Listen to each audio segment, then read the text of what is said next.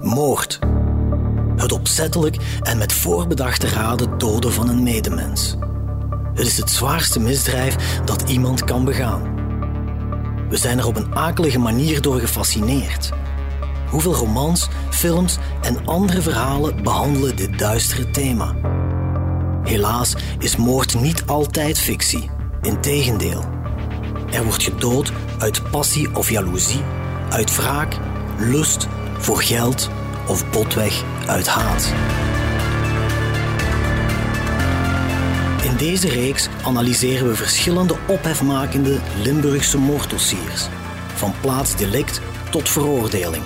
En gaan we op zoek naar de motieven die in het verknipte hoofd van de dader zijn gruwel rechtvaardigen. Ik ben Geert op Teinde en dit is Van Moord tot Verdikt. Episode 12. De Zweedse nachtmerrie van de Rijkswacht. Ik ga dan een beetje werken. Maar dan waren we rond het patrouille eigenlijk. Hè, en toen. Dan reed je richting Waldwezelt, van Lanek naar Waldwezelt. En dan zien we rechts bij de apotheek, zien we daar een auto staan. We zijn doorgereden een stuk. Teruggekomen zijn we eens gaan kijken bij die auto. En toen is het allemaal eigenlijk gebeurd. Hè. Aan het woord is Paul Aangeveld, voormalig rijkswachter bij de brigade in Lanaken. Ik was de eerste wachtmeester. Mobiele permanentie, zo, zo gezegd. Hè. Studenten vaststellen, diefstallen vaststellen, alles wat, wat, wat een gewone gendarm doet, zal ik zeggen. Hè. Dat is ook zijn taak in de nacht van donderdag 15 op vrijdag 16 januari 1987. Paul gaat op pad met collega-wachtmeester Luc Verstappen. Hun brigadecommandant Leo Leij Joosten herinnert het zich nog goed. Er waren een patrouille met een minibus, gelijk het vroeger was, met de Rijkswacht uit. En zij reden in Veldwijzelt over de Kiezelweg, de baan van Tongeren, Vroenhoven richting Laneke. En over het kruispunt was er een apotheek. Ik weet niet of dat je ze weet liggen. Veldwijzelt aan het kruispunt links, die apotheek ligt er nog altijd. Daar reden ze langs en daar zagen ze iets verdachts. Er stond een wagen met een vreemde nummerplaat. Midden in de nacht, het was rond twee uur s'nachts. Die hadden dat gezien, die waren alert, die hadden dat gezien. En die zijn dan teruggedraaid. We zijn bij aan die auto's, hebben een combi daarvoor gezet. En ik ben bestuurderskant geweest. En die man die heb ik laten uitstappen. Maar die kon de auto niet stilzetten. Dus dat was al verdacht, dat, dus dat was uh, vals contact. Ik heb uitgestapt en de handen op het, dak laten leggen. En toen zag ik echt zo'n groot mes. Dat heb ik eruit gepakt en weggegooid. En, na, en heb ik daarna gekeken waar dat mes ging vallen. Op, het, op dat moment heeft hij het schouderholstraatje aan. En heeft hij achter zijn rug me in mijn, in mijn buik geschoten. Hè.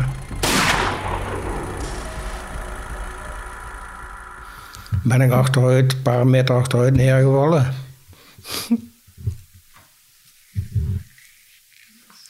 en toen is hij rond de gelopen en heeft hij Luc neergeschoten in zijn kop. Toen is er teruggekomen en heeft er nog eens op mij geschoten, maar heeft me niet geraakt meer. Dan zijn ze vertrokken. Dan zag ik Luc liggen, ja dus... Helpen kon, nu kon mezelf niet helpen. Hè. En dat is het eigenlijk geweest. Lei Joosten wordt midden in de nacht wakker gebeld. Hij vertrekt meteen naar de Kiezelweg, waar twee van zijn mannen zijn neergeschoten. Lagen allebei tegen de grond. eh, De ambulance kwam daar juist aan toen ik eraan kwam. Die hebben ze allebei mee opgeladen in een ambulance en zijn ze weggereden. Ik zag Luc er liggen en kermen. Ik was in de buik geschoten. Hè. Buik en dan... De zenuw van mijn been die was door. Daar had ik een hangvoet van.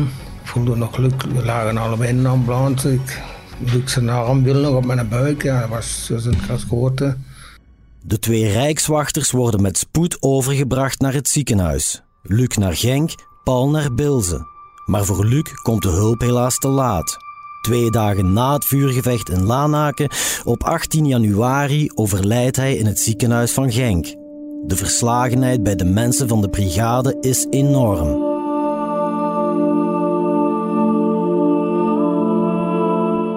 Luc was een hele goede kerel.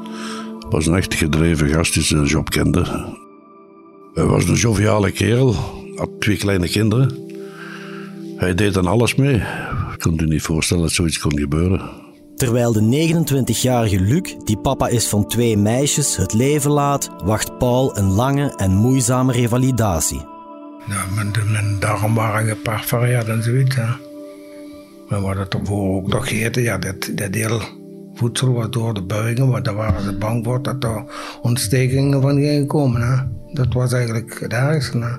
Dat hebben ze als meer opgezet om boven te onder heb ik een teret van. Hè. En daar stelde dat heeft meer dan een jaar geduurd. Met al dag naar de masseur. Ik had ook een hangvoet, doordat die zenuw door was gegaan. Daar heb ik zeker een jaar op gewerkt bij de masseur, een paar millimeter in te krijgen van dat beweging. Nu gaat dat weer. En nog, nog niet gelijk het normaal moet zijn, maar het is ook altijd ijskoud. Dat, uh, dat, dat geneest nooit meer. Hè. Dat is als gelijk een ijsblok wordt, wordt gedaan van onder Het verdriet is groot, maar de Rijkswacht heeft geen tijd om te rouwen. Mogelijk meerdere daders van de schietpartij zijn nog op de vlucht. Er ontstaat een klopjacht waarbij de Rijkswacht en de gerechtelijke politie met man en macht op zoek gaan naar de verdachte. Een aanknopingspunt is een identiteitskaart, achtergebleven bij de apotheek in Veldwezelt. Daar wilden Paul en Luc een auto controleren toen dat in een schietpartij ontaarde. In het tumult werden eerst Paul en vervolgens Luc neergeschoten. Op de identiteitskaart staat de naam van East van Hegedus, een Hongaarse zweet die wellicht niet alleen handelde.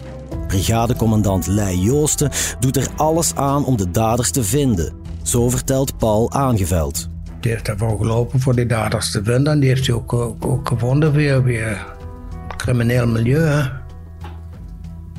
Ja, want die, die waren, al in Holland. Hè. Hij heeft erachter gelopen. Heeft de informatie ingewonnen overal. Hè. Ja, hij heeft dat zelf gedaan, ja. Is naar het kamp in Maastricht geweest, naar dat ja, die kampen, de, de woonwagenkampen, daar zitten die mannen daar is die, die inlichting gaan inwinnen. En dat moeten die mannen daar ook niet, hè. Door twee gangsters en dat, dat moet weg, want dan komt de politie op Zo heeft hij de inlichting dan gewonnen.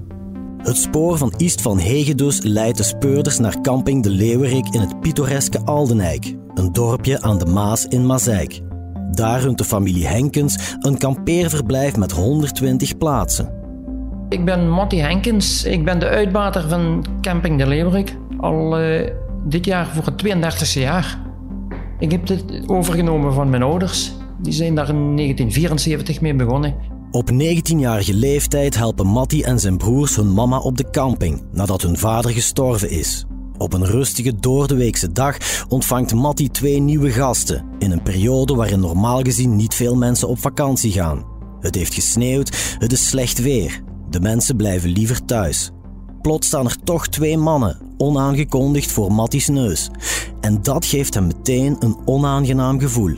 Ik weet nog dat twee mannen bij ons zijn aangekomen een winterdag, ergens in januari. Ze hadden de sleutel gekregen van een goede vriend uit Nederland dus dat was een man die bij ons op de camping een, een huisje had.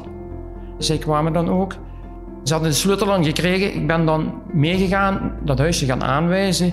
En dan wat uitgelegd waar het elektriciteit in het water zat. En verder had, heb ik daar eigenlijk, had ik daar geen aandacht aan geschonken. Eigenlijk.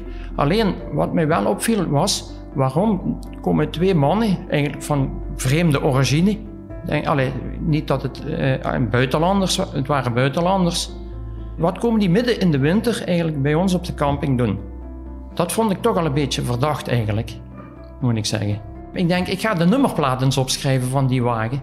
In een tijd stond in een zaak doosjes met, met ja, in een karton met luciferdoosjes in. En achterop die, op die karton, denk, schrijf die daarop. Want dat duurde lang eer dat die doos lucifers leeg waren. Dan kon ik dat lang bewaren. Dus voorbedachte raden. nee, echt waar, dat is geen zever. Dat was een Audi 80 met een uh, Luxemburgse nummerplaat. Ik denk, als de politie in zijn buurt komt, kan ik dat misschien eventueel even doorgeven van ik vertrouw, het zaakje toch niet. Uh, ik wist het nog, de nummerplaat was AV 697. Maar verder, ik denk, eh, heb ik daar eigenlijk geen aandacht aan geschonken. Ook niet om eventueel de identiteitskaart te vragen van die mannen. Ja, het is er mij eigenlijk doorgegaan. Voor de rest was er ook niemand op een camping, dus ja, ik denk, oh, die zullen maar een paar dagen hier zijn en dan zijn ze weer weg. Mattie schenkt inderdaad geen aandacht aan de twee mannen. Dat lijkt op het eerste gezicht ook niet nodig, omdat ze er heel normaal uitzien. Twee mannen van middelmatige leeftijd, eh, gewoon, gewoon gekleed. Niks opvallends. Ik kan niet zeggen dat, eh, na wat achteraf gebeurd is, dat dat zo'n personen waren. Kan ik helemaal niet zeggen. Ze spraken gebroken Duits. Ze zijn wel uh, in het restaurant ook nog af en toe iets komen drinken. En ze zeiden dat we het Belgisch bier goed smaakte. Dus ze zijn ook combineerd. Ze waren heel vriendelijk. Qua uiterlijk waren ze heel gewoon en, en, en vriendelijk. En dus ik heb er nog drinkgeld van gehad. Die zaten aan een tafeltje apart in een hoekje. Ze vielen niet op, dat kan ik niet zeggen. Op dinsdagavond vertrekken de twee gasten van camping De Leeuwerik. Matti is de bezoekers al vergeten wanneer hij vrijdagavond hoort van de dodelijke schietpartij in Veldwezelt. Ik hoorde dat wel op het nieuws. Vrijdagavond kwam het op het nieuws. Zaterdagsmorgens stond in de krant en toen stond er een foto bij van Ivan Hegge dus. Dus ik zeg tegen mijn ma, ik zeg, tjie, dat kon die man wel zijn die hier bij, mij bij ons op de camping heeft gestaan. Maar nee, zegt mijn ma, dat kan niet van hier. Dat gebeurt hier niet. Het weekend ging voorbij, ik ging naar school. Ik kom om vier uur thuis.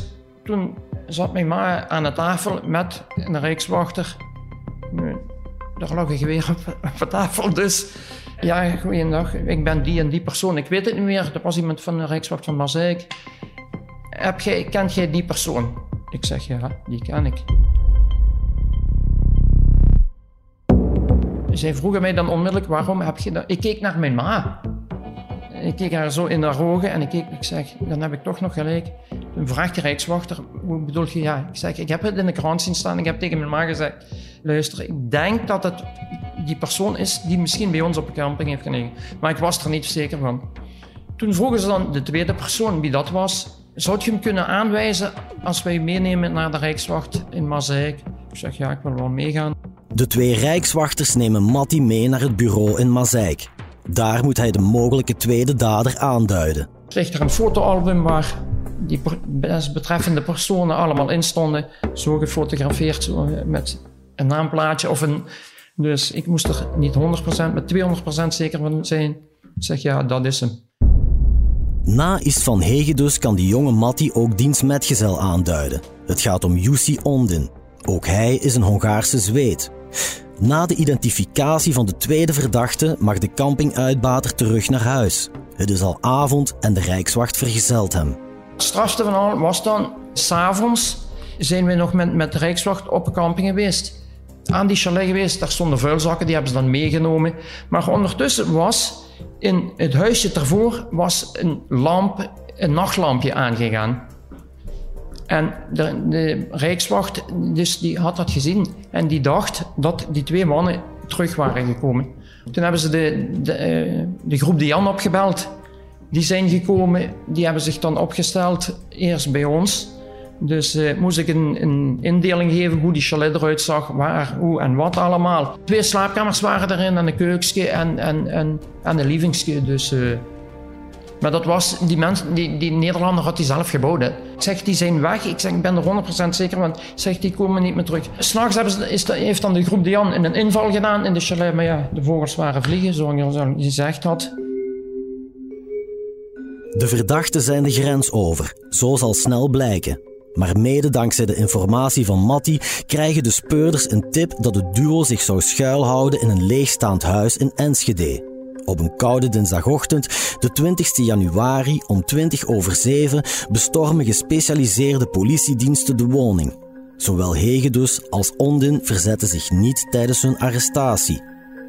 In het huis vinden de speurders een heel wapenarsenaal, communicatiemateriaal en de buit van een bankoverval in Zweden. De twee verdachten worden opgepakt en overgebracht naar de vroegere penitentiaire inrichting Amsterdam over Amstel, beter bekend als de Bijlmerbaaiers. Maar vooral Ondin is nog niet van plan om in zijn lot te berusten. Daarover hoor je morgen meer in deel 2 van De Zweedse nachtmerrie van de Rijkswacht. U luisterde naar Van Moord tot Verdikt, een true crime reeks van HBVL Podcast. Samenstelling door Geert op Teinde, Philippe Perges en coördinator Cato Poelmans. Montage en audioproductie door Wart Houbrechts. Chef podcast is Geert Nies. Reageren? Dat kan via podcast@hetbelangvanlimburg.be.